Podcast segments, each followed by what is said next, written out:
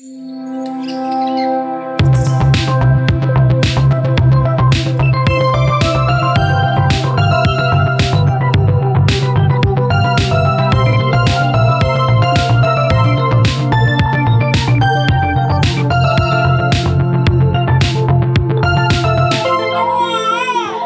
erum velkomin í legvarpið, kæru gestir.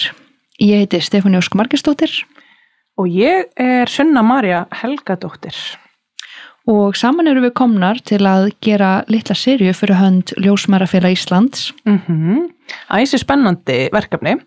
Það er nefnilega, þannig er nú mál með vexti að sko alþjóða heilbreyðismála stopnun, það stutta og þjála orð, e, er þess að búin að útnefna 2020 ár e, hjúkunarfræðinga á ljósmæra e, á heimsvísu og e, ljósmærafélagið er svona e, í ákveðinu vinnu við að varpa ljósi á e, fjölbreytt líf og störf ljósmæra. Mm -hmm, Svolítið skemmtilegt. Mjög skemmtilegt og við erum að taka þátt í því verkefni Mhm. með því að gera uh, litla serju sem að fjallar um, um ljósmær hérna á Íslandi, eða íslenska ljósmær sem hafa fara að starfa erlendis Mm ásöldi framandi slóðum. Heldur betur.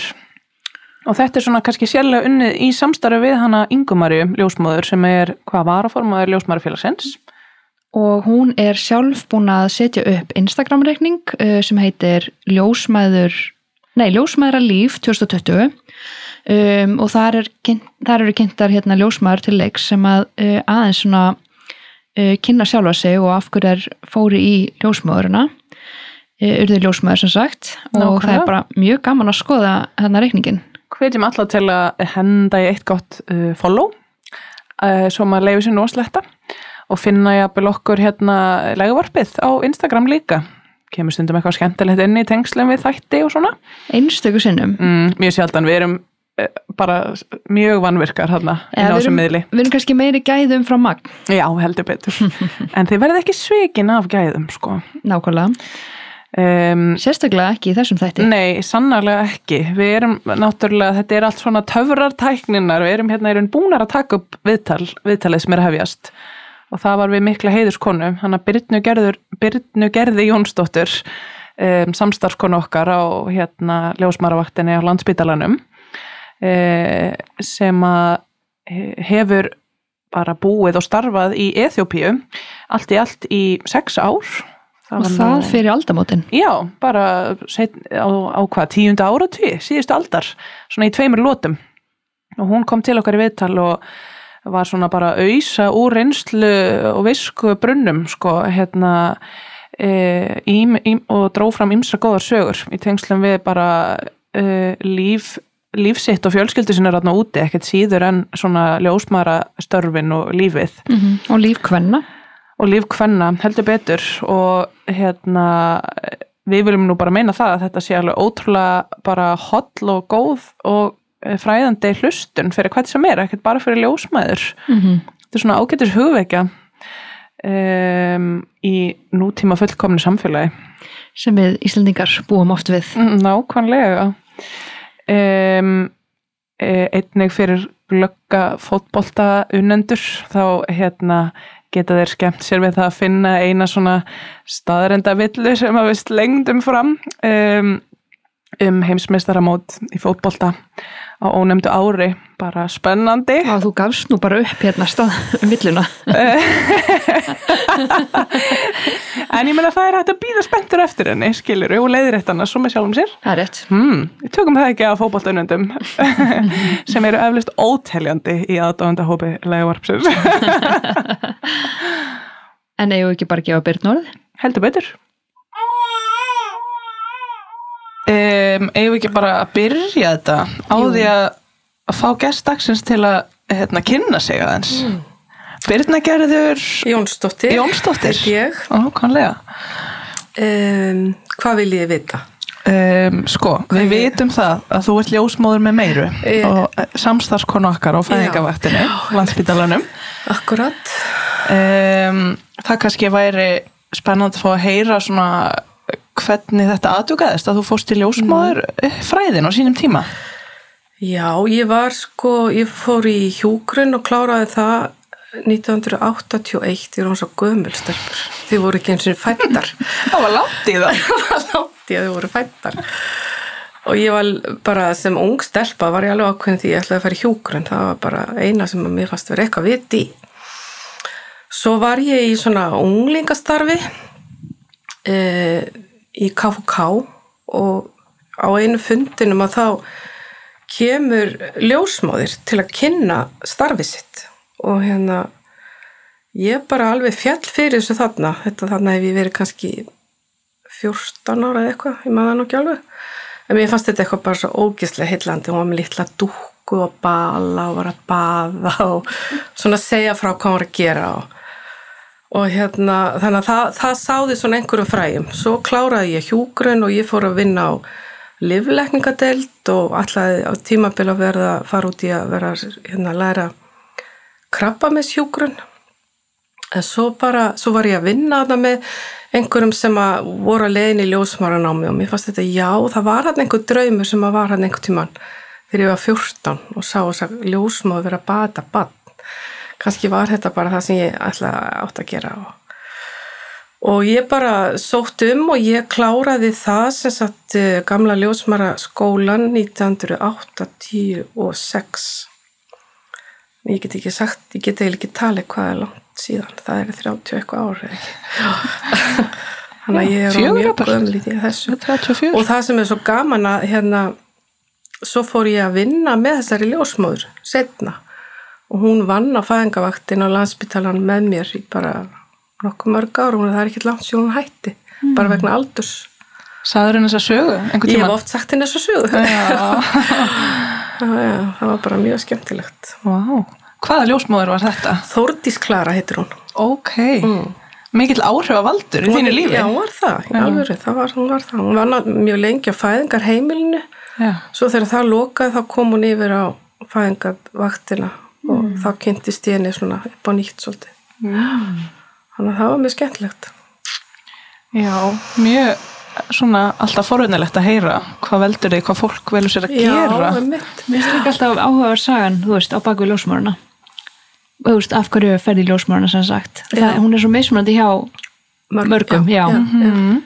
Akkurat. Ég held að við líka svona blundað aðeins svona þegar ég var árun svona eldri og ég var semst komið fjölskyldu þarna og að það blunda alltaf svolítið í okkur að fara út í sagt, hjálpastarf mm -hmm. eða þróunarstarf og þá var það að vera ljósmáður var náttúrulega bara rosalega praktist mm -hmm. að, að hérna, því að eins og við vitum í, í þróunarlöndum eða vanþróunarlöndum þá er það bara mjög stór partur af starfinu að geta aðstofið fæðingar og, og hérna e, heilsugjæsli kringum börn mm -hmm. og, mæður og, mm -hmm. og það, það bara skiptir miklu máli. Þannig að ég held að það hafi nú líka svona ítt á mig í vikinu það.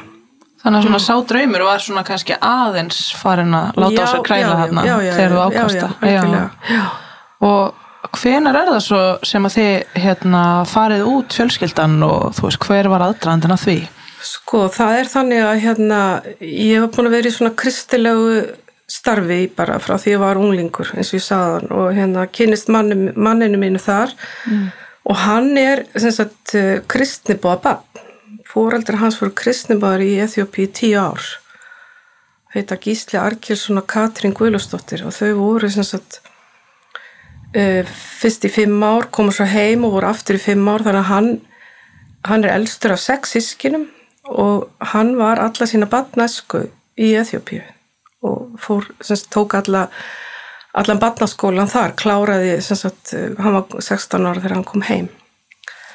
Þannig að það blundaði hann alltaf svolítið í honum að fara hann aftur og, og hérna og ég smitaðist náttúrulega bara af því en það hafði ég svona örgulega einhver draum hann að bakvið að fá að fara í svona hjálpastarfi eins og svo margir margar ljósmaður er, ég heyri þetta hjá mjög mörgum ungum stúlkum í dag að þeim langa til að fara í einhver tíma og sumir sem hafa farið í stuttan tíma jável í eitthvað svona. Þannig að þetta er svolítið heitlandi fyrir mjög mörgum. Það er já.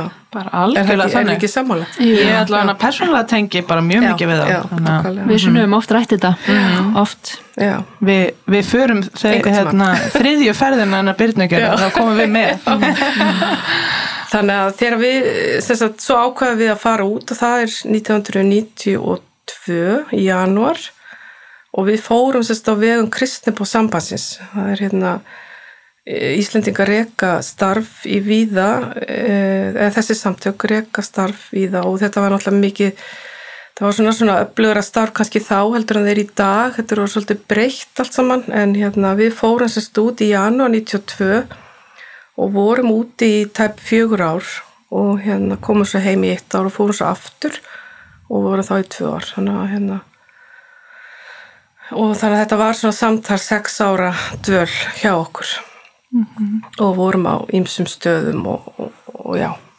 Og maður minn er sem sagt trésmiður. Þannig að hann var að vinna við að byggja hús og sjúkrahús og sjúkraskíli og skóla og, og allt nýri hundakofa. Það var bara alltaf það hús sem hann ekki kom nálagt hann og með mm. við vorum hann úti. Og ég fylgdi honum svolítið eftir eftir hvar hans verkefni voru og ég hafði alltaf eitthvað, eitthvað að gera það var ekki vandamál að finna sér eitthvað Það var ekki atvinnuleysi hjá ljósmáður í Eþjópi á þessum tíma.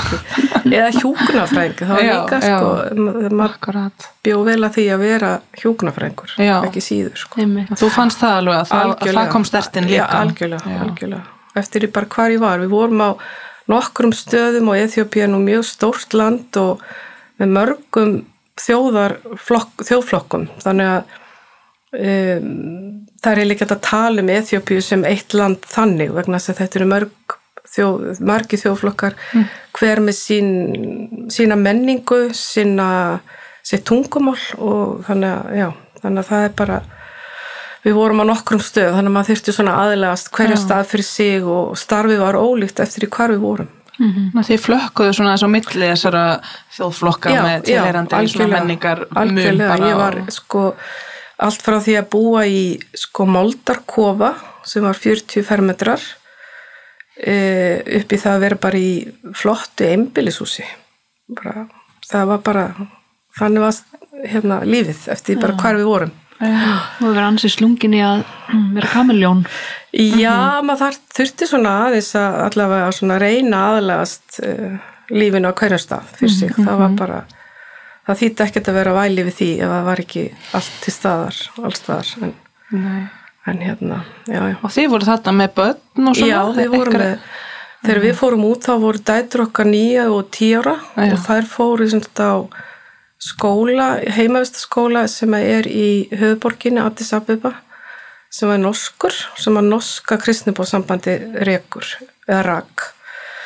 Og hérna þannig að þær voru í, á þessari heimavist. Og við byrjuðum reyndar á því að fara í smá málanám. Og hérna og þá byggum við í höfuborginni en mér líkaði ekki að vera þar. Ég var mjög fegin að, að hérna, fara út á land. Mm -hmm. Uh, og þær byggum þar og voru í, í þessum mjög vendið umhverfi í þessum norska heimavistaskóla í nokkur ár hann að hérna en komin alltaf heim í fríum og ég fór oft til þeirra og Já. það liði náttúrulega aldrei, liði ekki mjög langu tíma á milli þess að við hittumst ekki mm -hmm. og það er alltaf saman já, já, já, já, já, já, og svo, mm. svo hérna var það líka þannig, eins og ég sagði þá maður minn elstur af sexiskinum og tímabili á þessum ári sem við vorum að þá voru þau fjögur sískinin hans, en þess að þau voru fjögur af sex mm. sem vorum úti á þessum sama tíma okay. og voru saman á þessum skóla Uh, og einn uh, bróðurinn er semst kennari og hann, hann var að kenna á þessu norska skóla þannig að hann, hann kendi íslensku og, hérna kendi krokkunum íslensku því þau voru náttúrulega orðin þá þá mörg og hérna það var rosalega styrku fyrir krakkan okkar að, að, hérna, að hafa þau þannig og þannig að þau gáttu fengi íslensku kjenslu mm -hmm. en þær voru mjög fljótt orðnar bara hérna töluði norskur ei brennandi eins og sé án þess að hafa nokkuð tíma komið til Noregs, þetta var svona pínu skrítið skrítnar aðstæður. Hvernig ekki að tala, þú veist, tungumál e, þeirra, lokalmanna já, já sko það, við vorum sérst, fyrsta halva árið okkar voru við í málanámi þannig ég fekk einhverja þrjá mánuði. Flestir fengu heilt ár. En það var, það var kallað eftir vinnu, vinnu að hann þurfti að fara, fara að vinna maður minn og hann nefndi alls ekki þessu málanám því hann, hann talaði bara reybrennandi fast þetta bara algjör óþarfi. Þannig að ég bara hérna, let mig hafa það.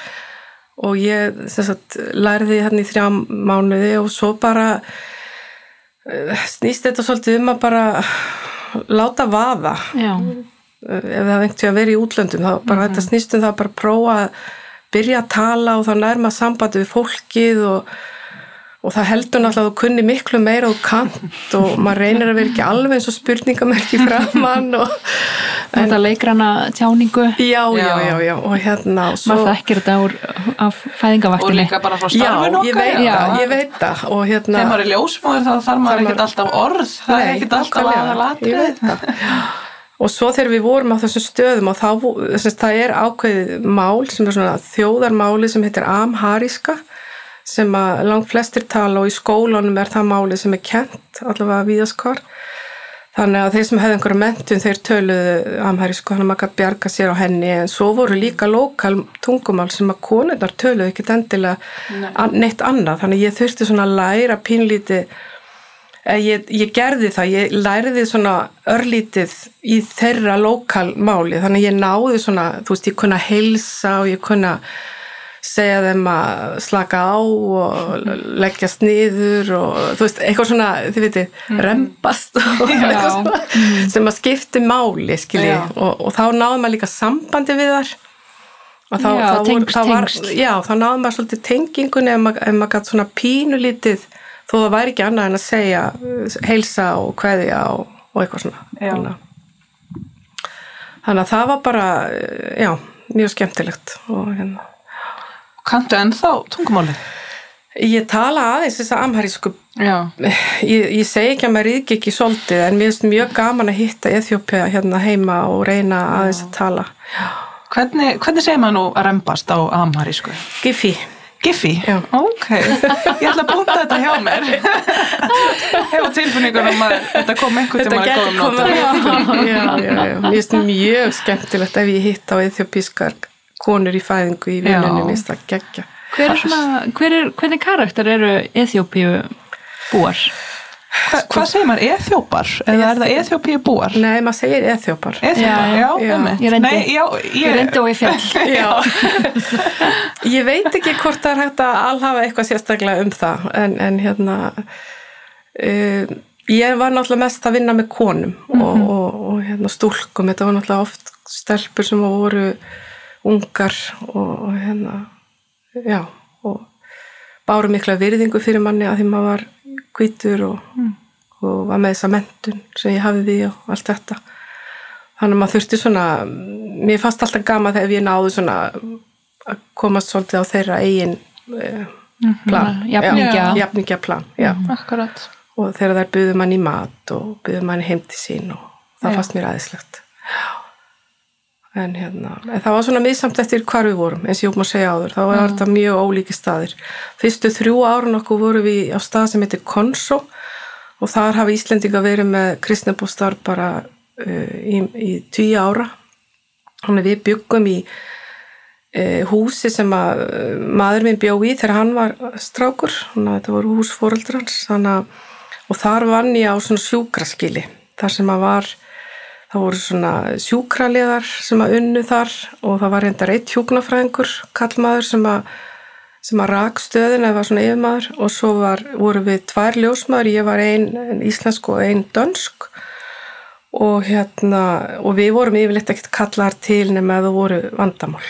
Mm. Það er konuna fættu almennt heima, e, svo var þar, var komið með þar á þetta sjúkraskili ef það voru vandræði. Já, og það gæti verið, þú veist, þær voru kannski búin að vera í fæðingu í tvo sólaringa heima í sínum kofa og svo gekk ekkert, svo koma þær til okkar og svo þurftum við þá að finna út af því hvort við getum eitthvað gert. Við vorum ekki með lækni og ekki, við gætum ekki gert keisara, þannig að við þurftum þá að, að flytja þær á sjúkrós og þannig að við fórum nú ansi margar ferðirnar með konur aftan á pallbíl á næsta sjúkrós og það var ekkit, ekkit oft, ekki sjaldan sem að maður minn kerði sagt, og fór, þá þurfti, var ég bara eftir að ég var að vinna áfram og, og hann hérna tók að sér að keira á sjúkrás Voru þá konurna bara að fæða einar í kofanur sínum? Já, sko það var, það er á flestum þessum stöðum eru svo kallaður svona mm,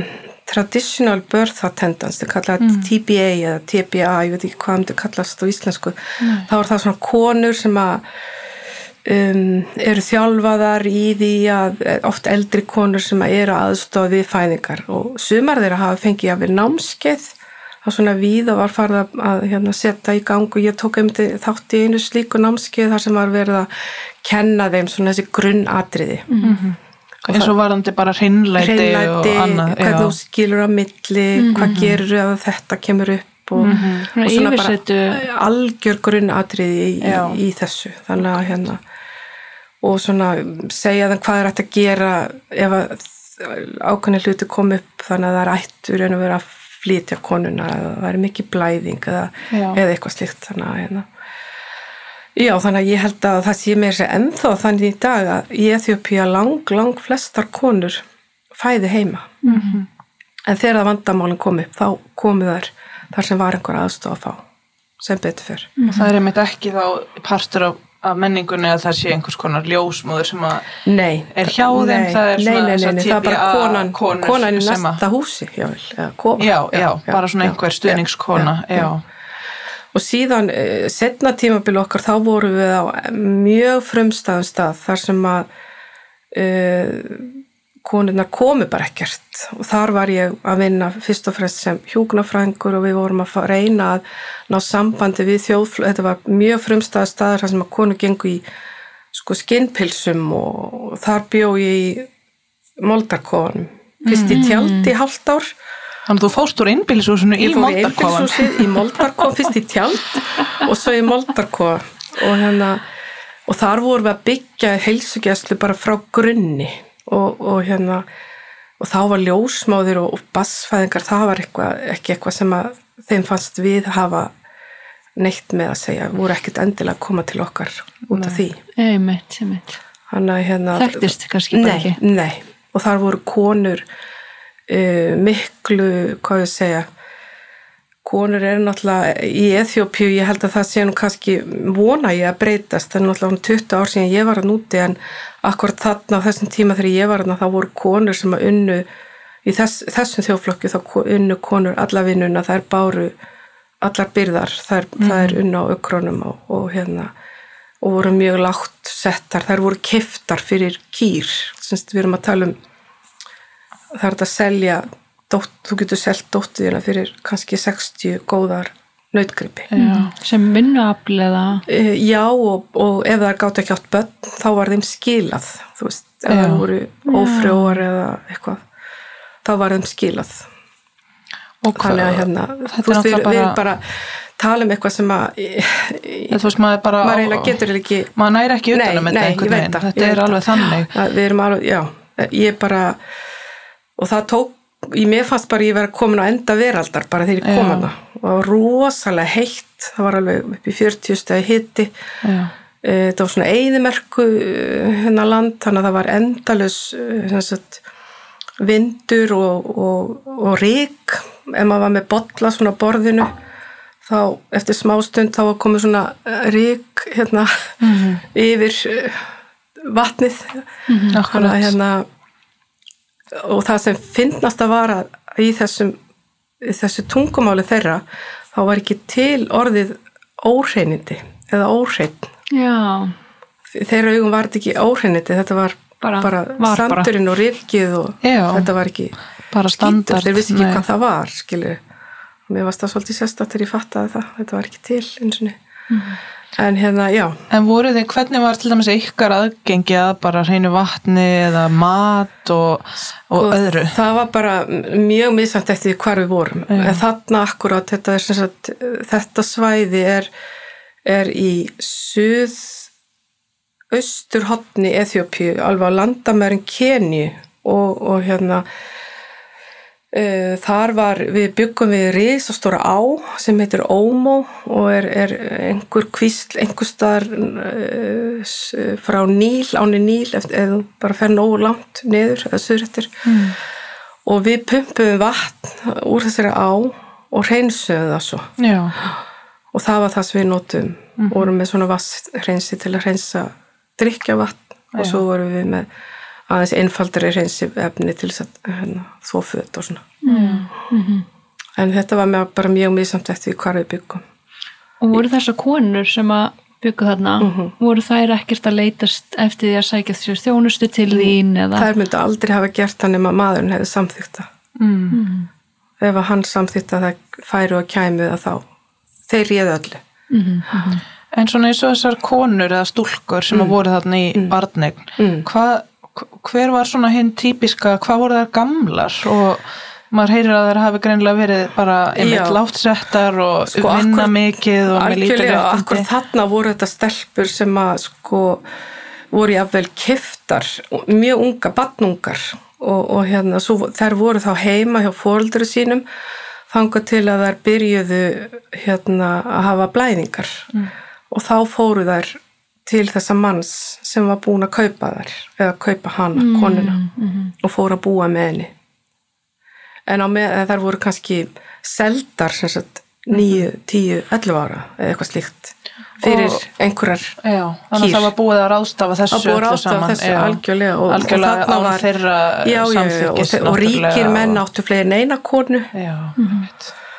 og öll, þeir, þeir áttu ekki peninga það, var, það var mjög sjálfgæft að maður sæi sem sagt, eh, seðla eða peninga Já, en þeir áttu kýr. Og það, var, það voru þeirra auðafi það kaupmátturinn. það var kaupmátturinn, það voru, það voru kýrnar. Og það eru þá einhverja svona sem að eru verðmætin já, og já, já, mjólkin og, og kjötið, Kjötið, og, og hérna.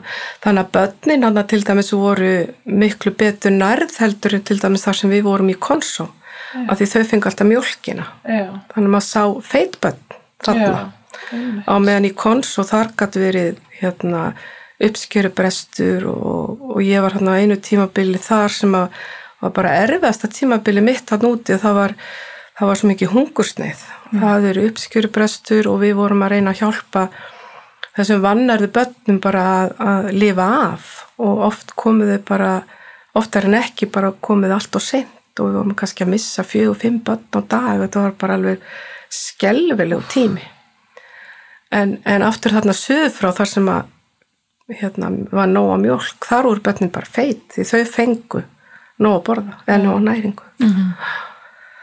Þetta eru svona einhverja atriði í þú veist, samfélaginu sem að maður, maður hefur ekki fórsendist til að, að þú veist, Nei, maður næri ekki alveg utanum þetta, það er nei. alveg, alveg rétt. það er alveg þannig. en hérna já. En eins og þessar stúlkur Mm. þarna uh, fá þær að fara í skóla þeirra Það var misjamt, Já. já. Þegar við vorum hann fyrir 20 árum hann á þessum nýja stað, við vorum sérst að starta hann heilsustarfi og maður með fór hann til þess að byggja semst, hús fyrir hjúknafræðing og ljósmóður og, og hérna eh, einhvern til að starta starfið hann þá hérna þá uh, það var engi skóli fyrir þessar krakka þar. Þá voru, það, strákar fengu eitthvað að fara í skóla en ekki stelpur. En, en eh, á síðustu 20 árum er búið að vera heilmikið starf og hérna bróðir hans hann var hann tímanbili og, og giftu kennara og þau voru með sagt lestrakenslu og það voru mjög marga stelpur sem fengi að koma þanga þannig að þetta er svona smám saman að breytast og, og auðvitað verður þróun á þarna á 20 árum alveg eins og hér eða veist, það, það breytast oft á þessi tíma. og svona einhver eh, alls konar vitundavakningar varðandi hérna barna hjónabönd og annað sem Já, að já, já, já. hafa svona Algjörlega. allan hér og þar verið bara sennilega sett einhver lögbönn á það og svona. Þó ég veit ekki nákvæmlega hver staðan er á því akkurat þarna. Og þegar við vorum að það til dæmis að það voru ungar stelpur sem að voru ógiftar, þar hér gengu um með svona játtlekki á fótunum. Þeir voru kannski 10-12 lekkir í, í kringum sem sagt sikkot fótinn, mjög þungt. En þegar þær voru giftar að þá var þetta tekið af og ég veit ekki alveg pælingun á bakveit að það var eitthvað með að þær geti ekki hlaupið í burtu eða, eða hvað það var en, en, en hérna og eitthvað E- kannski e- veist. þetta er einhver, eitthvað sem var í menningunni en svo fórum við þarna út aftur 2008, þá fórum við hann í heimsókn og þá var þetta alveg farið. Þú veist, þá hafði á tíu árum uh, var þessi síður aflagður af einhverjum ástæðum. Já. ég veit eiginlega ekkert af hverju endilega. Og þá sá man meira að konurnar voru farnar að ganga meira í, í hérna uh, öðru sér fötum og, og svona það var ákveðin breyting og það náttúrulega verður allstaðar einhver, einhver svona þróun. En á þessum tíma var þetta bara eins og ég segi eins og við værum bara einhverstaðar á bara skinnpils og skinnpils já, og, já, og, og hálsfestar, það voru þeirra föt já, akkurat. Og leir í hárinu og, já, og annað hér og hitt hér Hvað voru þessar konur ungar? sko þ- Þegar þú voru, með mitt, bara Voru með þær þá bara svona rétt eftir Já, blæðingabyrjun já, að verða já, þá eru þar konur og, og giftar og, og fara í ábætt Já. og eru alltaf ungar margar. Já. Svo hefur maður líka heyrt af því að, að það er eins og þú veist að tala um þetta með næringu ungbarnana já. að það skiptir síðan máli þegar þessar eh, börnin verða fullorðin að hvað var það konurnar og fæðingar og svona að Já. í sumum af þessum löndum hérna vanþáður löndum þá eru konurnar bara með svo þröngar mjadmagrindur og svona eitthvað já. að, að það er bara geta ekki endilega fætt var það tilfellið þarna? Já, sko, við vissum ekki alveg hvernig þetta var þarna niður í Ómo þar sem við vorum Sáum þar ekki. Það var ekki komið með þar til okkar. Það Nei. voru sjálfsagt bara dóu drottni sínum út á, út á hérna, sléttu einhvers Já, en hérna því við vorum hann að þessum tíma sem þetta var, við vorum bara alveg í grunn þörfu, við vorum að gefa malaríulif og við vorum að reyna að koma að, að við mettum koma í þorpin til þess að bólusetja við póli og þessu hérna batnaveiki og þessu elgengustu hérna bólusetningum, þannig að við vorum ekki komin með þetta traust að það væri farið að koma til okkar út af þessu. En í konso þar sem ég var þar var, var ef það voru mjög ungar þessar stelpur, það var náttúrulega líka þar þar giftust ungar að þá var það mjög oft bara vandamál að þær komu voru búin að vera í fæðingu í 2-3 sólarhinga og bara fæðingin gekk ekki. Og, og þá kannski komu bara þær til 13 okkar. ára eða eitthvað, já, og hérna þær voru ekkert mikið að spá í aldur hana nei. Það var ekkert, það vissi ekkert allir hvenna þeir ættu ammæli eins og eða hvenna þeir voru fættir eða Nei, það, það hefur komið setna en, en á þessum tíma var ekkert verið mikið að spá í það. Nei, Meira að vera að pæla bara í líkamsklökkunni. Já, já, ég hugsa það, einmitt.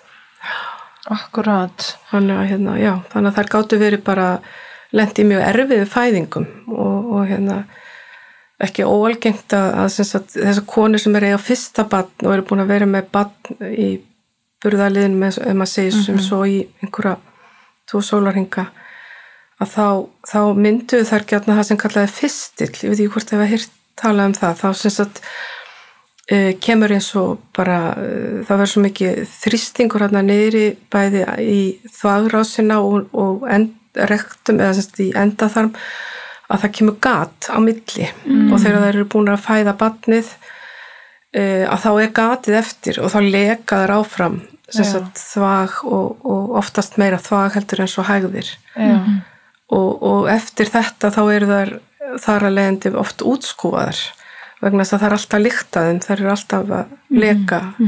Og þetta er bara stór vandamál í vanþurra á löndum. Og ég veit að í, í höfuborginni í Addis að þar var sérstatt sjúkrás sem heit, og er enn, sem heitir Fistula Hospital og Vá. hvað þið heyrtum þetta? Nei, aldrei nokkuð tíman Eh, Þetta er sem sagt risa sjúkrahús sem að áströlsk hjón stopnuðu fyrir mörgum árum síðan og þarna koma konur allstaðar að úr frá Eþjópíu, allstaðar að úr, úr hérna, þorpum og bæjum og fá, fá, fá sagt viðgerðar þessar fyrstúlur vegna þess að áður en það er hérna, áður en það er gert við þetta þá er það semst endalust að leka þvægi og allt þessi lykt og það eru útskúðar jafnvel úr sínu samfélagi.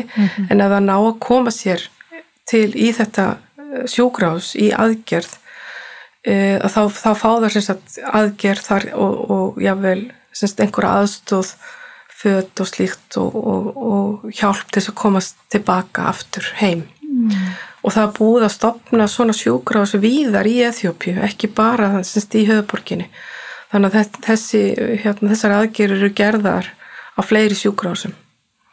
Veist, þetta er eitthvað sem við hér á Íslandi höfum bara aldrei mm. eða ég veit ekki, ég hef allavega, ég er nú búin að vinna við þetta yfir 30 ári, hef aldrei séð þetta hérna. Nei, aldrei nokkuð tíma. Nei, ég hef bara aldrei heyrt um þetta.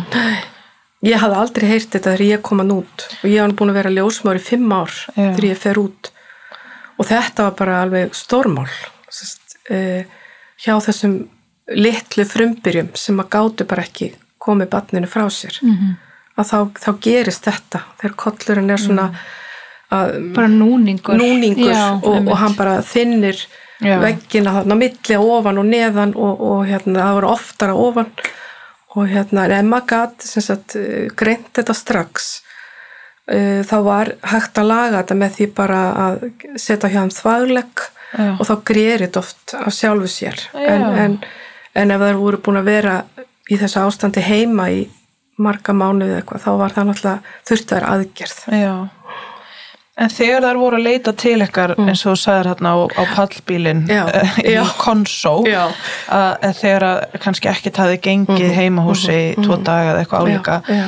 var það oft þannig eða var það einhvern tíma þannig að þið gáttu aðstóða þær við að klára fæðinguna þar? Já, já, já, já, við gátum það. Ég var með sóklukku Já, þú varst með sóklukku þarna á pallbílnum ekki á pallbílum, Nei. en á sjúkraskilinu voru með sóklukku, það var reyndar svona eins og ekki kífiklukku þá Nei, var? Nei. þetta var svona, hún var, hún var handpumpuð Já, já. því það var ekki ramagn. Nei, Eh, við vorum með svona ljósa mótor sem fór í gang klukkan tíu á kvöldin en hérna, en við vorum ekki með ramagn þannig að þetta var svona handpumpa mm.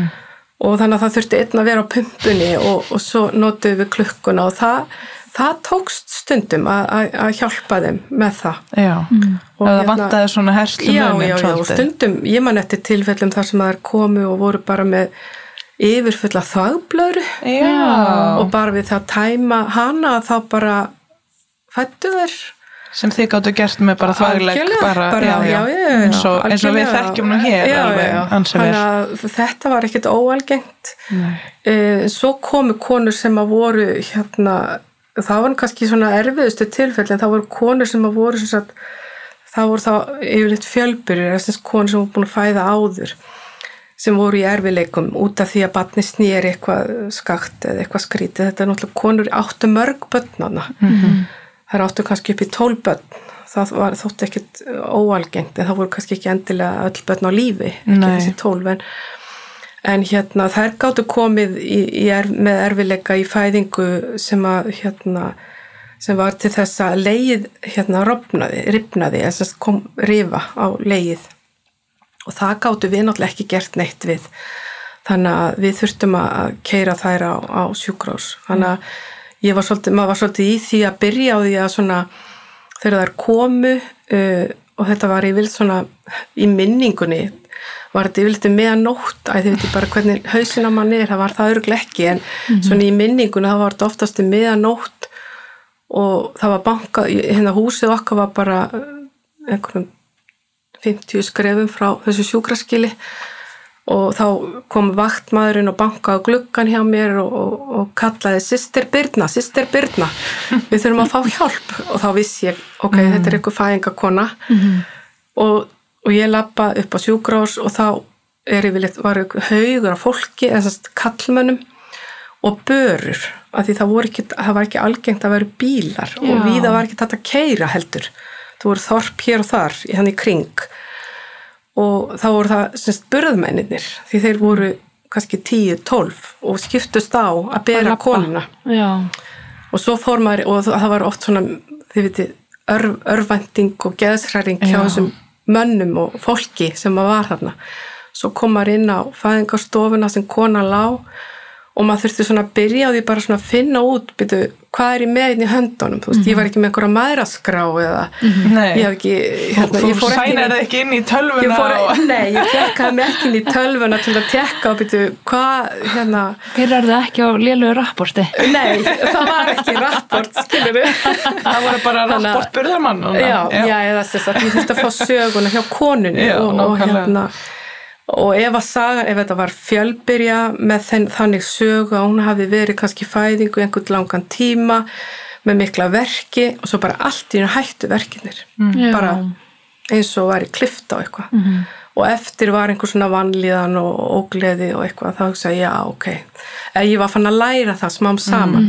Að þar væri legur þar á var, ferðinni. ég, þar var ég væntalega með legróf og svo sá maður það bara með því að þreyfa semst, oft bara badnið badnið var náttúrulega í öllum tilfellum dáið.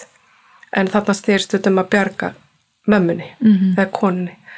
Þannig að maður fann badnið bara út í Frjálst, já, já, já. eins og við hafi nú lært um í skólanum en Þetta er einmitt það sem maður lærir um í Ég skólanum það, og það. vonar að það verði Já, bara þannig. ég veit það, ég veit það. Og það tók mig alveg tíma að átta mig á, á því að ég, sem sagt, eh, mér fannst eiginlega erfiðast við þetta þegar ég byrjaði þarna í Konsó að þá, ég er búin að vera að vinna hérna í, á landsbytalanum í hvað fimm ár og bara uh, svo kem ég þarna út og allt í hennu er engin annar sem veit meira en ég mm skiljið, ég hafði engan það er best að ringja á sérfræðingin eða Einmitt. deildalæknin eða tala við hinaljósmóðurina eða einhvern sem með mér á vakt get ég hjálpað, hvað getum við, hvað getum við gert í þessu, Akkurat. skiljið við að því maður var oft bara einn og maður viss, það var engin annar sem vissi meira en ég, þannig ég þurfti bara taka það ákvörðun hvað átt að gera í þessu tilvelli áttu að, áttu að flytja hana áttu að reyna að gera eitthvað hvað gæti ég gert í, í, í hvaða tilveiki sem er skiljiði þannig að ég, mér fast, ég, það tók mig lengstan tíman að svona uh, sætta mig við það að, að, hafa þetta svona sjálfströst og öryggja og taka þessar ákvæmni því að það gæti verið alveg bara dramatist fyrir þetta fólk. Að maður tæki réttar ákvarðanir. Afdreifaríkar og stórar ákvarðanir. Algjörlega því að hérna og náttúrulega líka við kringumstæður sem eru svo langt frá því að vera ákjósanlegar. Algjörlega. Af og, og þú- hérna, ef ég bjarga ekki þessari mömmu þá var hún kannski voru kannski fimm lítil börn heima Já. Einmitt, einmitt. þannig að hérna þetta var bara eitthvað svo stundum svolítið absúrt Mhm. aðstæður sem að maður var í Já, þá, þá voru þið að reyna að fara með hana upp á sjúkrahús til, til að bjarga framkvæma henni skurð. já, Já. já. Hva, hvað var langt á þetta sjúkrahús það voru tveir tímar í, í bíl Já, ok. Já. sem að maðurðin kannski var vakin í að já, keira já, og eru einmitt að ef ég hugsa nú um að um tvekja klukkstunda bílferð með þetta veika konu já, já. bara kom, komust þið alltaf á áfangastað nei, nei. og það var hérna uh, þeir, þeirra síður var svolítið þannig að ef, að, semst, ef að það var döðsfall í fjölskyldu að þá byrjuðu þeir á svona háværum gráti svona, þetta var náttúrulega sumuleiti auðvitað út af sorg en, en menningin var bara þannig að þeir, þeir, þeir hérna, grétu hátt og mikið og, og, og ef maður vissi að, að, að það var búið að fara með konuna ég var kannski eftir og hann keirði og svo eh, kannski klukkutíma setna heyri ég þannig grát og ég heyri í bílnum. Þá vissi ég, ok, hún hefur dáið að leiðinni uh, og er hann er að koma tilbaka með líkið, skilju og þá vissi maður, ok, hann hefur ekki náð að fara og það var náttúrulega bara alveg skelvilegt sko. og þá byrjuðu þeir, rétt árum þeir komu tilbaka heim þá byrjuðu þeir að, að gráta og þá, þá vi- vissu allir svona eitthvað Já. tjáning já, svona, já, þetta er einhvers konar tjáning þetta er Já. ekki beint grátur en, en þetta er svona uh, þeirra menning Já. að tjá sagt, sorg eða eitthvað slíkt Einmitt. En þetta er allt voðalega sorglegt sem ég er að segja ykkur. Já, ég er bara ég er að reyna að bara máta minni í þessar aðstæður. Já, hvernig var eins og fyrir ykkur hjónin, þú veist að, að síðan svo bara vakna inn í nýjan dag og allt þetta, festist maður mikið í svona einmitt hugsunum um þessi kona hefði bjargast í betri aðstæðum Sko, ma- eða þú veist, hvernig Nei, það þýðir ekkert. Maður verður bara einhvern veginn að, að vera bara, og, og ég var einhvern veginn komin á það að uh, ég get ekki bjarga öllum. Þú veist, ég, ma, maður gat ekki, hérna, maður hafði bara ekki resursa og, og, og krafta eða, eða, ég veit ekki hvað að segja, til þess að bjarga mjög mörgum. En ég reyndi bara að horfa á bara eina koni í einu, eitt tilfell í einu, eitt bann og, og ef að það gekk vel þá var ég bara glöð, skilur Þa, það þýðir ekkert í svona aðstæðum þá, þá ert ekkert að þú, þú gerir engin stór kraftaverk en þú gerir kannski einhver lítil sem að hjálpar þér áfram eða sagt, þeim, fjölskyldunni eða, eða hver sem það er. Og maður þurfti bara svona pínu að setja sig í þannig hugsanahátt en auðvitað var þetta svona áfall til að byrja með að sjá hvernig bara aðstæður væri hjá fólki og, og að því þetta var svo ógæðslega ólíkt því sem að maður, þessu umhverfi sem maður kemur úr eins og því þekkið á, á landsbítalanum með fæðingatildinni og bara Íslandi Og bara Íslandi. ótrúlega góðar veist, útkomur hvenna og barnaðina algjörlega Já. bara með þeim betur, bestu í heimi á meðan að maður fer þarna það sem þeir eru bara mjög slæmar Mhm. og ég held enn bara hátíðni bæði mæradauða og, og barnadauða Mhm. og svo líka finnst mér svona hinliðin á því er akkurat bara þessi að þessar ungu stúlkur þú veist þurfa að búa við þetta að, að, að eru bara giftar eða seldar já, einhverjum já. mönnum og bara hv- hvað þær eru í rauninni bara já, seldar í einhvers konar kynlífsþrælkun í sjálfu sér Já, og, já. og bara hafa svo lítið um sitt líf og velferð að segja Akkurat, og skertan aðganga mentun og æ, þú veist, þetta er bara Ég veit svo það. Manni þykir þetta svo óreittlátt í rauninni sko. En það hefur gerst heilmikið á þessum tíma og við, Og við sáum það, við fórum sér satt út 2008 þá vorum við með, komið með tvo tengda sinni og, og hérna og, og við fórum öll fjölskyldan dætur Mhm. okkur og þeir tveir og, og hérna fórum í heimsókn og fórum á þessa staði.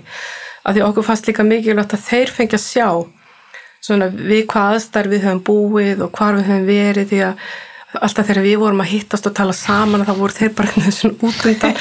Þannig að hérna og það var mjög gaman líka fyrir okkur að sjá hvað hafði mikið breyst.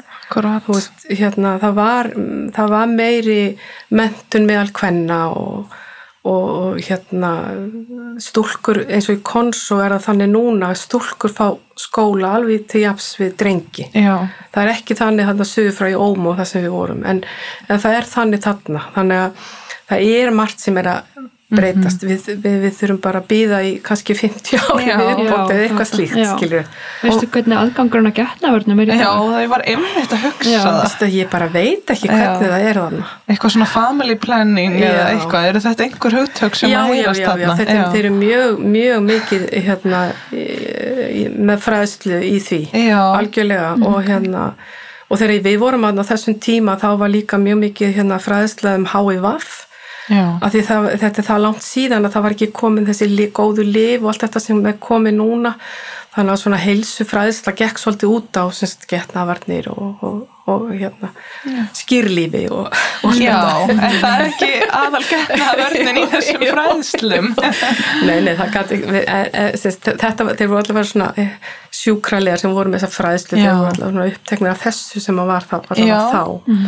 Maður getur nú límynda sér að það hafi þurft bara ansið mikinn kjarki að flytja einhver svona fræðslu. Þú veist, ef maður setur sér í algjörlega. tíðandan og aðstæðnar já, akkúrat.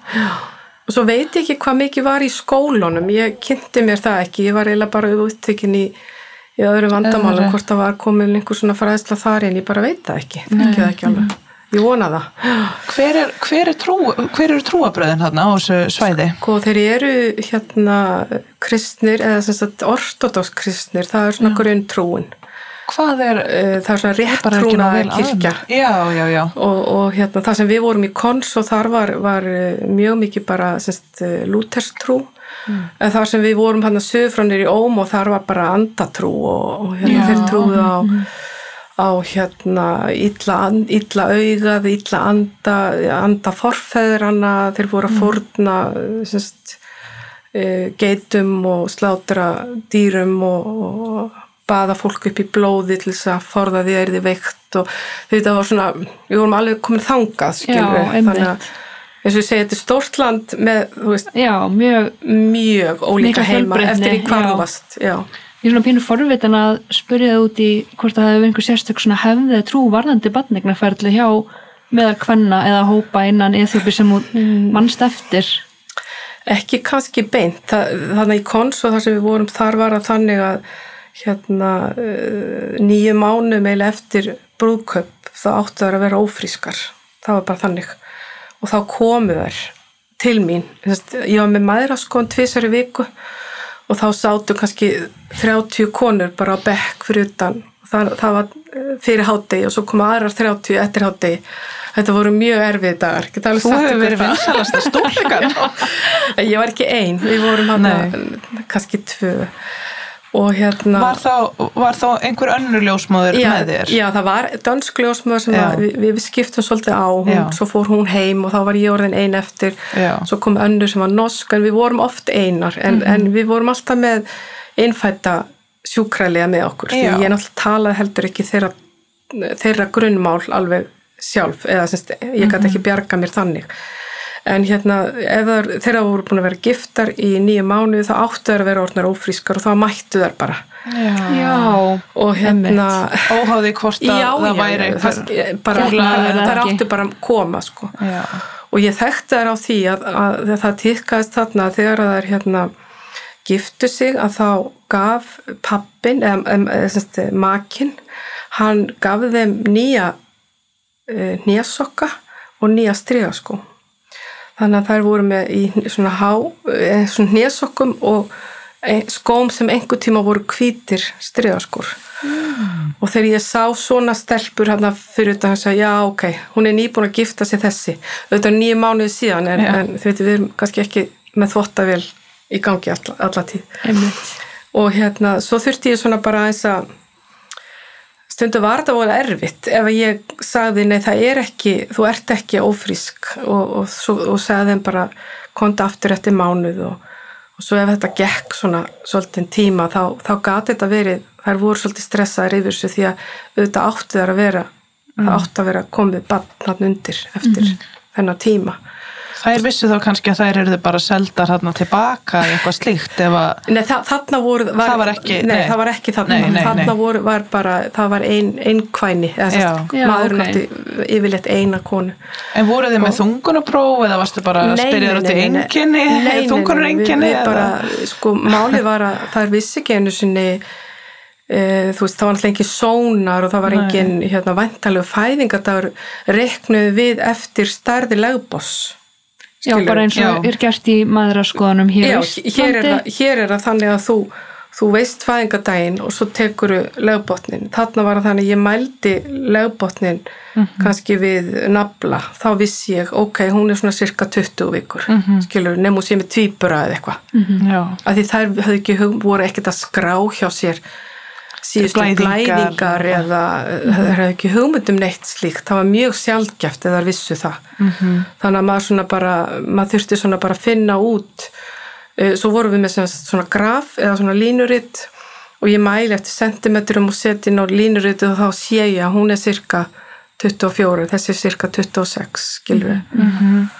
og svo var það kannski ekkert alltaf rétt en, en, en það var það besta sem við gátum En ef að þið greinduð einhver frávik á meðgöngunni, Já. eins og einmitt Já. að kúlan væri að vaksa lítið Já, eða bara verið meðgöngu eitrun eða eitthvað, voruð þið þá gátuðu sendt konurnar þá á sjúkrahús já, eða, já, það var þannig að hérna, meira sér í konsó vorum við með svona um, svona eins og litla meðgöngudild þá var svona tveir stóri svona strákofar og ef við vissum að þetta myndi mögulega verða vandamáli eða þetta voru kannski konur sem að voru með tvíbura konur sem voru búin að missa að fæða andvana kannski oftar en einu sinni áður þá fengu þær að búa í þessum kofum í síðustu vikurnar á meðgöngunni. Það þurfti að sjá alveg um sér sjálfar með mat og svona en við, við vorum hann að kíktum til þeirra daglega, uh, skoðum þær og, og allt það og hérna og svona heldum utan að þar þangar til fæðingin væri afstæðin og stundum hérna uh, og það var líka svona kofar staðsettir á þessum sjúkurásum þannig að stundum gáttu við farið með þar þangað og þar byðu þær. Ég man eftir einni konu sem gekk með þrýbura ég held reyndar hún væri með tvíbura. Og var það bara að þú varst búin að hlusta og þreyfa og já, fann svona það, já, og já, já, finna við bara- vissum það, greina þetta var ekki þannig. eitt barn og, og ég held að það verið tvö. Og hérna, hún, þetta voru sem sagt, hún var búin að egna sjö barn áður og ég hugsaði með mér að það var ekkert sniðut, hún, hún var ekki farið að fæða tvíbura hjá mér. Ég vildi koma henni semst á, á hérna, fyrir utan uh, í, þar sem að var sjúkrás og þar gæti hún verið og þar var hún og, og fætti svo þrýbura sem að, hérna, þannig að hún var alltaf komið tíu börn, þessi Já. kona en, en ég held að vera Veistu sirka á hvað aldur hún var? Ætli hún hafi ekki verið bara uh, eitthvað um þrítútt eitthvað, Já. veit það ekki. Og svo kom hún tilbaka og þetta var alveg heilmikið mál vegna þess að hún átti mann sem að eh, nú segir ég svo marga sögur hún, hérna, hún átti þess að mann sem að drakk eh, hérna all, all, all launi sem að fekk fóru bara í drikki, hún átti ekki hérna, neitt handa hinu börnun og hvað þá þessum litlu þrýpurum þannig að við hérna heldum þeim í raun og veru bara uppögg á hún var að gefa þeim sem sagt, þurrmjólk og, og hérna, já, já, en ég veit að þau, þær eru, þetta voru þrjá stelpur og þær eru bara, síðast þegar ég vissi þegar við vorum að núti 2008 voru þær bara frískar og, og hérna, á lífi. Í á mótið þeim? Nei, þær fættust á sjúkrásinu. Já, ok. Ég frétti bara þetta, þessi tvíbara sem sendir okkur, þeir eru þrýr. Já, ok. Já, En svona þegar þú talar um að senda þér á sjúkrahús, Já. er þá þar ljósmóðir og já, já, þar eru, eru læknar og, og ljósmæður og, og hjúknafræðingar, já. Ok, Eþjópist já, starfsfólk, já, já, og voru, þegar við vorum úti þá voru líka danskir og, og norskir uh, hérna hjúknar starfsfólk sem að vanna á þessum sjúkrós ég er svona pínu forvitin að þú ert búin að nefna núna maka nokkru sinnum, eða þú veist að Já. kallmenn hérna, Já, allir já, hafi já. verið búast við að nýju Já, já, ólétt. já, já. Lendur einhvern tíman í því að þeir var ógnað af körlum ef að þú varst einhvern veginn að kannski ég- fræða þær einhverja þekkingu sem maður hefði ekki fyrir Nei, ég, ég bara ég, ég var meira hrætt um að þær yrðu fyrir einhverju mm skiluru um, það, það er ekki tekið vel á móti þeim heima. Þannig að hérna ef að þær voru búin að koma nokkrum sinnum þá leti ég það stundum hafa þið hérna maðuraskrám var svona lítill einblöðungur. Mhm. þannig að ég leta stundum hafa blaði þannig að mögulega svo kem hún kannski aftur eftir ein, tvo mánuði og ok, hún kannski voru svona pínu að hjálpinni Aðeins að hagræða sannleikanum. pínu sannleikanum. Að því auðvitað mögulega gat hún verið ófrísk en ég gat ekki fundið það ég var ekki með þungunapróf ég var bara að þreyfa uh, stækka leg stækka og- leg og því vita maður sér ekki, finnur ekkert slíkt fyrir eftir fyrsta lagi tólvikur þannig að, að hérna, já, já, maður svona bara reyndi að þess aðstöða já, Já. hjálpa til. Varstu með hlustunapípu eða? Já, ég var með hlustunarpípu og hérna áður en ég fór út Svona trétrekt Já, þá tré, til að hlusta á og svo áður en ég fór út að þá hérna pappi minn hann var óa mikið í ferðalögum uh, hérna þegar hann var í, í vinnu. Og hann hérna kefti handa mér einhvern tímann út í London rétt áður en ég fer út svona hlustunatæki hérna Dobton sem ég tók með mér og það kom sér mjög vel. Já, nú varst með Dobton þannig ég var með Dobton Já, en ég hefði ekkert haft að gera við neitt mikið meira, hvað átti ég að gera ef að það var þú veist, ég þurfti bara að vita er hjarsláttur eða ekki hjarsláttur Því ma- ma- Það er svo sem ekkert mikið meira nota í maðuravend hérna á Íslandi. algjörlega. Og, veist, og Það er málband og, og Já, eitthvað til að hlusta hjarslátt og svo akkúrat. blóðþrýstingsmælir. Já, ammit, ég hafði Og- það líka. Já. en ég sá til dæmis að því hún nefndi meðgöngveitur en ég sá það einu sinni á þessum tíma sem ég var að núti og það var sem sagt kona sem fór í krampa. En meðgöngveitur var bara mjög, mjög sjálfgef mm. Veistu eitthvað af Það er mjög áhugavert. Já, Já, ég veit ekki af hverju, ég veit ekki hvort þetta, bara, ég veist, ég hef ekki hugmynd um það. af því núna hefur maður heyrst að hérna, koma að segja, svona dekkri kynstofnar eh, sé einhvern veginn aðeins meira tengdir við háan blóðþrýsting. Já, nákvæmlega. þá myndum maður einmitt En ekki, það, ekki þarna. Og þessi eina kona sem að ég hérna, ég hitti sem að, semst, það, ég, það kallaði á mig, nú kem ég með eina söguna í viðbútt. Þetta eru svo góðar sögur. Já, bara tökum algjörlega. við Það var sem sagt bankað um, um nótt eða undir morgun á gluggan og ég var benum að koma. Og þá var sérst kona ófrísk í krampa e, á hérna bekknum hjá okkur. Og ég var fyrst ekkert að átta mig almennilega á hvað þetta var. Maður hafði einhvern veginn ekki hugsað meðgöngu eitur ég var búin að vera hérna í einhver tvö, tvö ár hérna.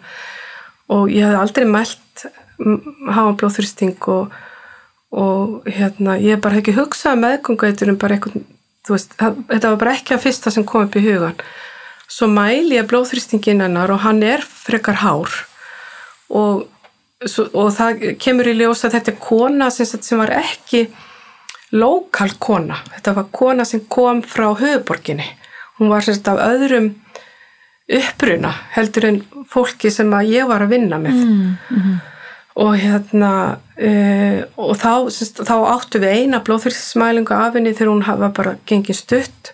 Og svo aftur núna og það var tölvert mikil hækkun. Því yfirleitt voru það mjög láþristar þar voru bara undir hundrað jafnvel þessar konur. Og, en hún var bara frekar há. Og þá, já ok, þetta hlaut að vera þetta.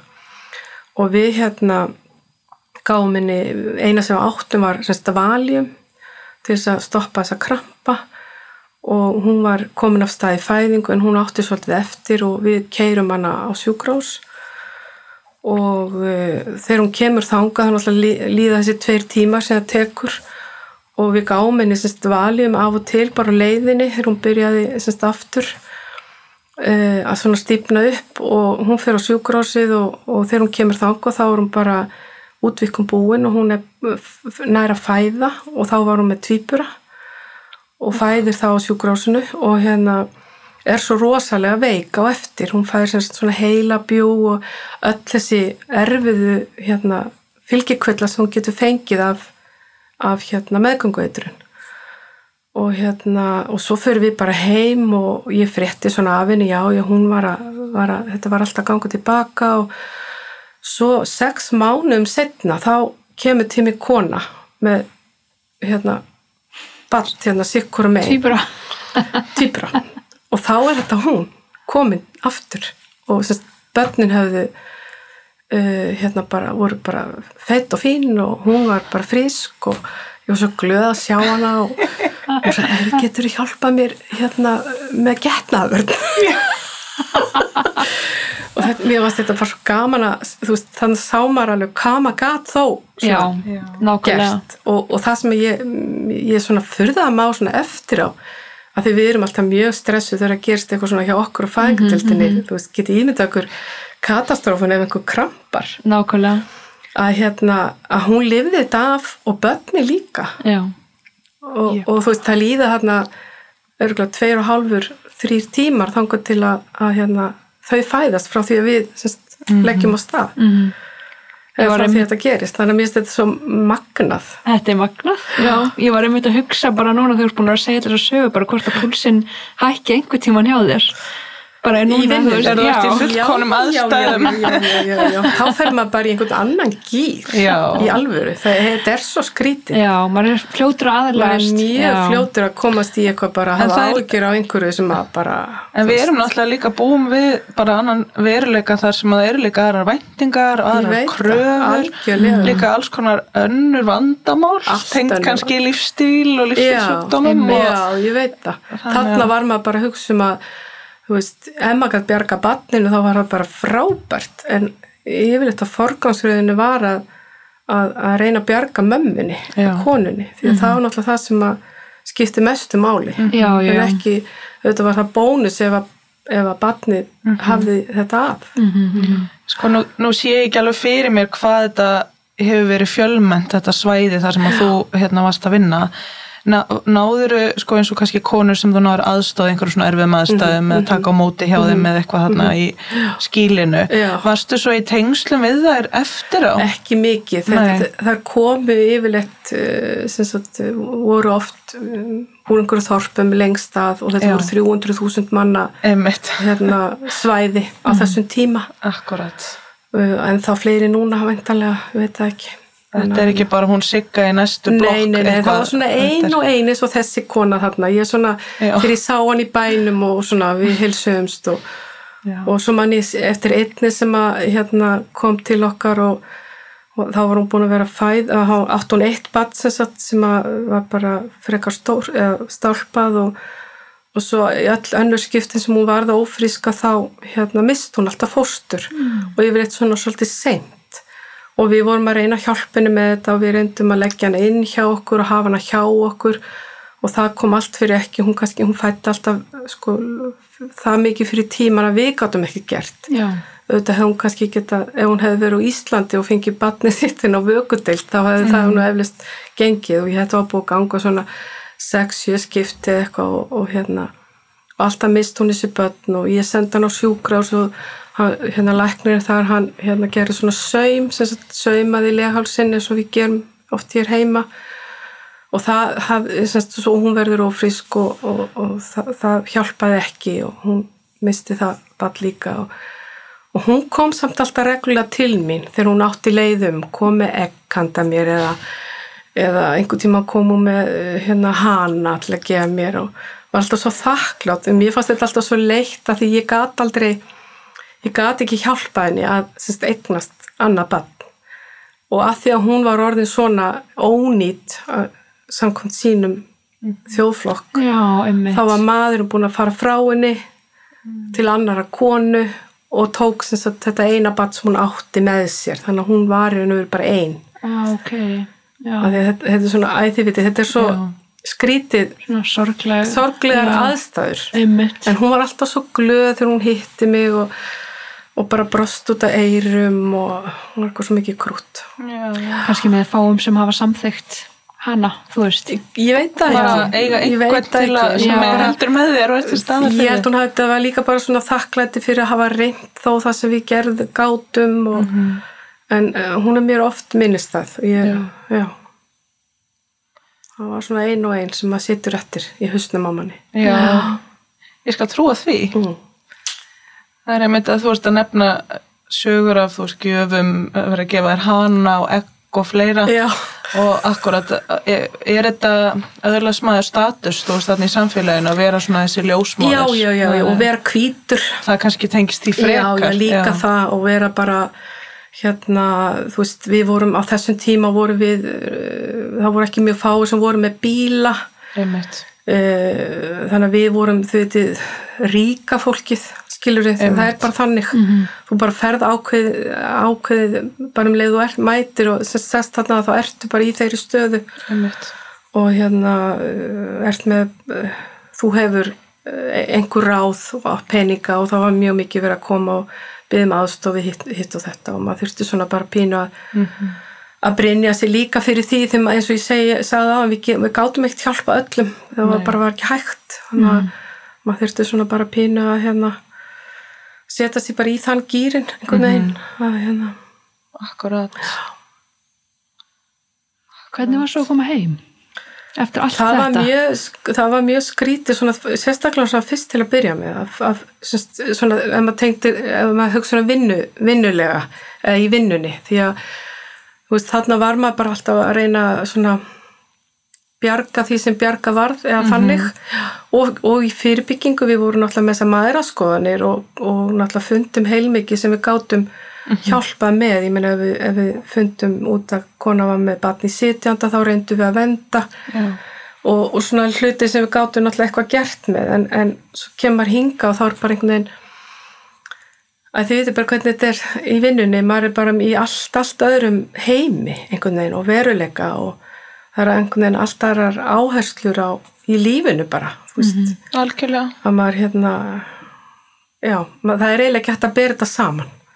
Það er það ekki. Og mér fannst þetta erfitt til að byrja með því að ég, ég, ég, þú veist, mér fannst þetta bara væl í konum sem voru eitthvað að væli yfir einhverjum, akkurat, ég veit ekki samdrætti eða einhverju einmitt en hérna, þá maður kannski fljótur að hugsa um já konur sem hafa verið borðnar í Já, tve, tvo tvo tíma og tíma. strákofa með Já. hérna búin að rempast í einhverja klukkutíma veit og eiga fyrir höndum tvekja tíma mm. bilferða auki í trukk Já, með leðróf eh, svo þýðir ekki að vera með hennar samanbyrð, Nei. maður bara, maður bara fer inn í þennan heim og, og svo bara ef ég færa einhvern tímann aftur sem ég veit ekki hvort verður og þá bara þú ferð þarna með okkur mannstu já, þú veist, þá stillir maður sér bara inn á það. Já. að ég er hér og hvað get ég gert með það sem ég hef í höndunum? Akkurat. af því maður, maður, já, þetta er bara eh, annar heimur einhvern veginn, algjörlega. Aðrar aðstæður.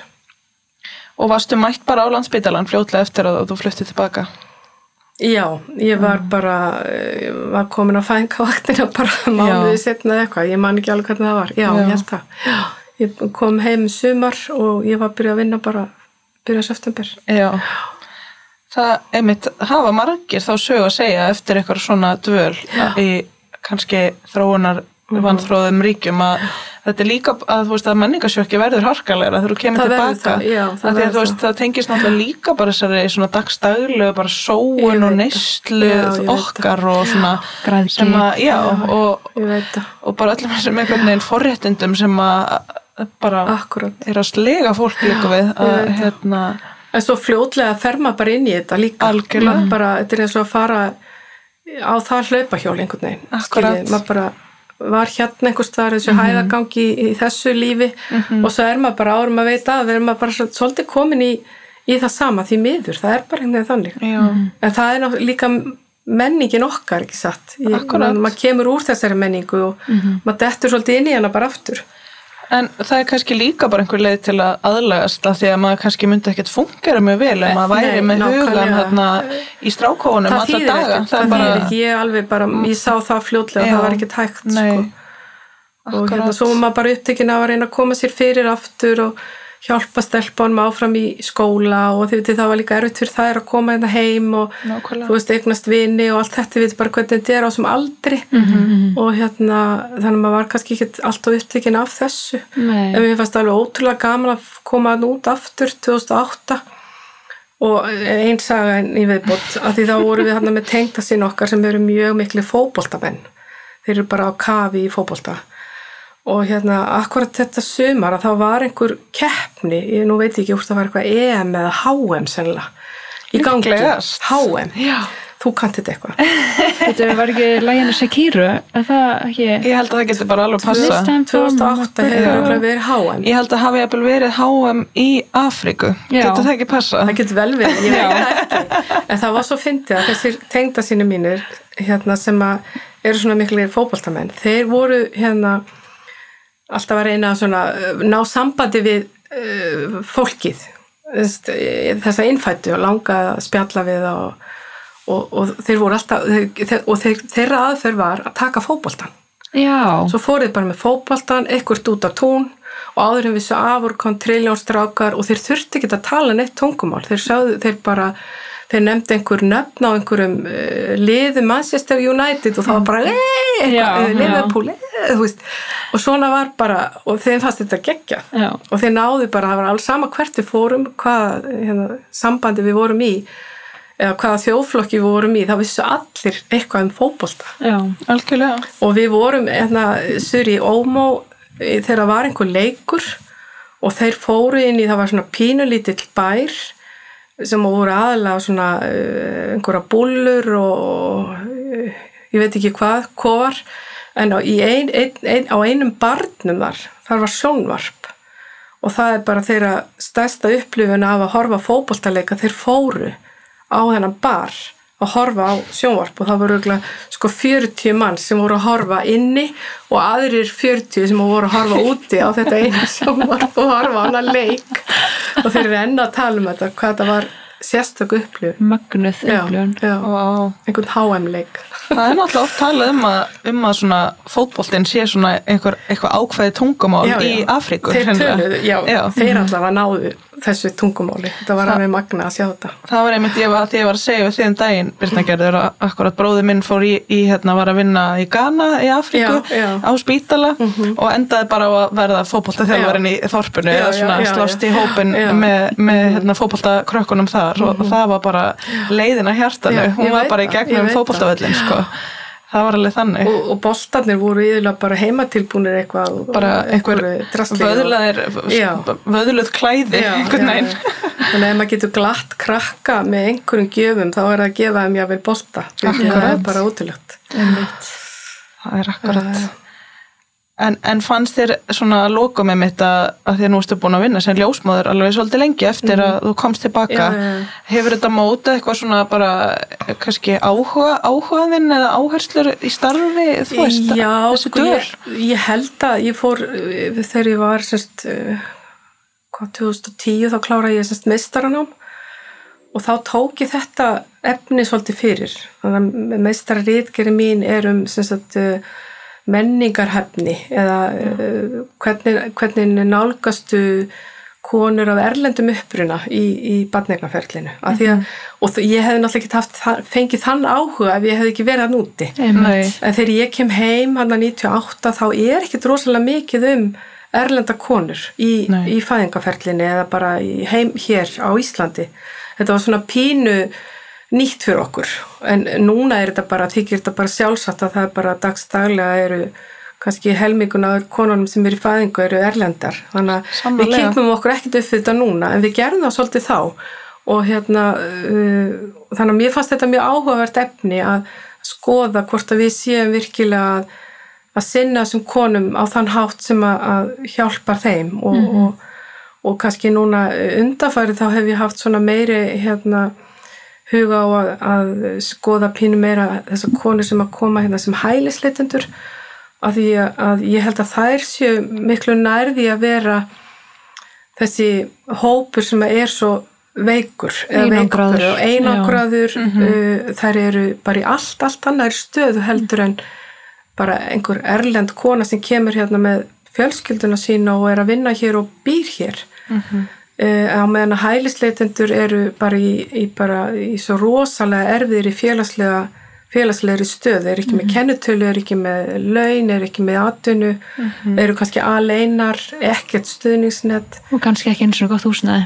Og kannski mögulega bara í, með einhver, einhver rúm einhverstað með mörgum öðrum. Já, já. maður hefur heyrt um þetta. Já, að hérna, er að koma jafnvel Mér- í strætó ef að bara Já, þær eru akkurat. það lánsamar að eiga strætó með það já, sko, þú já, veist í já. bara fæðingu því þær fá skaffa strætókort Já, akkurat uh, af, af félagsmálastofnun en, en hérna og ég, ég hef svona akkurat núna uh, svona undarfæri þá, þá hef ég svona meiri áhyggjur af þessum hóp heldur en að nokkrum öðrum erlendum konum Akkurat. ég held að við getum gert margt um, betur heldur en við gerum í þessu í mæravend og, og, og hvar sem við hittum þær.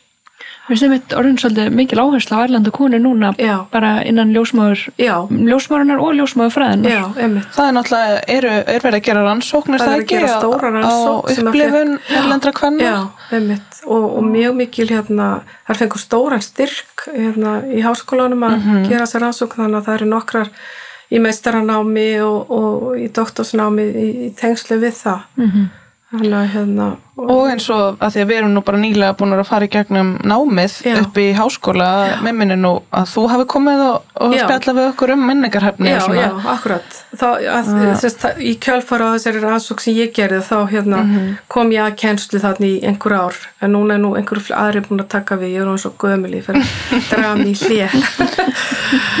En ég sko allavega, ég heyrði einhver tíman að, að, hérna, að svona leiðaljósið ætti að vera með því að fara erlendis í einhver hjálpastörfu að þróunastörfu annað, þá er akkurat ekki að bjarga heiminum eins og þú segir af því að maður getur ekki staðið undir þeim þeirri pressu Nei. en það væri ekkert síður að koma tilbaka og gefa af sér í sitt Já. eigi samfélag Já. og hjálpa því að þróast akkurat. og þú hefur nú bara góð punktur. sannlega gert það með því að vera svo að gera rannsóknir og koma að kenna og, Já, já, já. og svona alltaf að minna okkur hinnar á hvernig við getum betur Akkurat. stutt við Já, þessar konur einmitt. og bara breytt hugarfarinu og svona verkleginu því það er sagt, sko, þegar ég var að gera mína rannsókn og las mér heilmikið til og hvernig getur maður hvernig getur maður öðlast þessa hefni til þess að sinna konu sem koma erlendis frá og þá var búið að gera alls konar tilraunum með hvað er hægt að gera, þú veist, þetta kenna, þetta er þetta fara í svona hlutverkaleika, hvað, hvað er þú veist, hvað ber árangur eða hvað, hvað já, og, og það eina sem að svona hafi bara einhvern árangur, það var að fara erlendis Já. í einhver tíma, þó að sé ekki nema tvær, þrjá vikur. Og bara vika sinn sjálfdælning sjóndeldarhingin vera sjálfur gestur í einhver öðru landi þó þess ekki nema færi er eða Danmörk eitthvað. Mhm, þú þarft ekki að fara til Afríku þú veist, en bara það að fara fara í burtu og vera gestur í einhver öðru landi að það hjálpar þér að vika þinn mm þegar þú hittir erlenda konur í þínu landi. Eða ég, ég held það. Sannlega ég held að það sé, skiptir svolítið máli. Það sem þú ert öruglega í þínum vest, mestam á vanmætti kannski Já, já. að byrja í fæðingu Já, eða eitthvað og bara Já, það er bara til Danmerkur sem að eiga nú að vera okkar nákvæmna þjóð sko.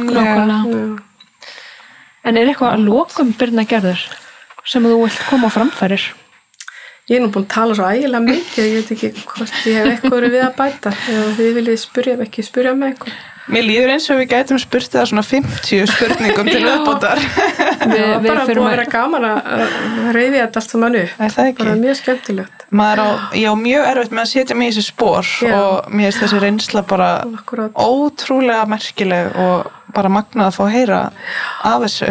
En auðvitað var þetta líka bara gaman, þið veitir, bara ekki sita eftir með bara einhverjar Með einhverja hörmung. einhverjar hörmungar sögur, þetta var þetta skemmtilegt og þið veitir að, að halda jól í 30 steg hita og þú veist, þetta var allt svo skrítið og öðruvísi þú veist, Já. í- hérna borða góða mat. borgaða mat, besti matur í, í bara, ef þið einhvern tíma komist að, í ethiopískan veitingastað þá skora ég okkur að prófa það og svona gott kaffi þeir, hérna, upprunu kaffi sem er í Ethiopía þannig að þeir virkilega kunna búið til kaffi þannig að, að hérna, Voruð þið alveg svona í kaffinu dagstaglega þarna úti? já, já, já, já. Byrja daginn á góðum já. bönum. bönum sko og þeir bara unnuta frá, frá grunni þú veist þeir með grænar, bau, grænar bönurnar sem þeir brendu og möluðu og, helstu svo upp og þetta var bara besta í heimi Ég fæ bara vatn í munn. Já, ekki Stefania, hún drekkur ekki kaffi Hún er bara í banni. Já.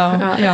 Svo sér maður nú fyrir sér einhvern veginn liti og tónlist og Já, já, bara einhvern veginn skemmtilegt mannlíf og, bara, svona.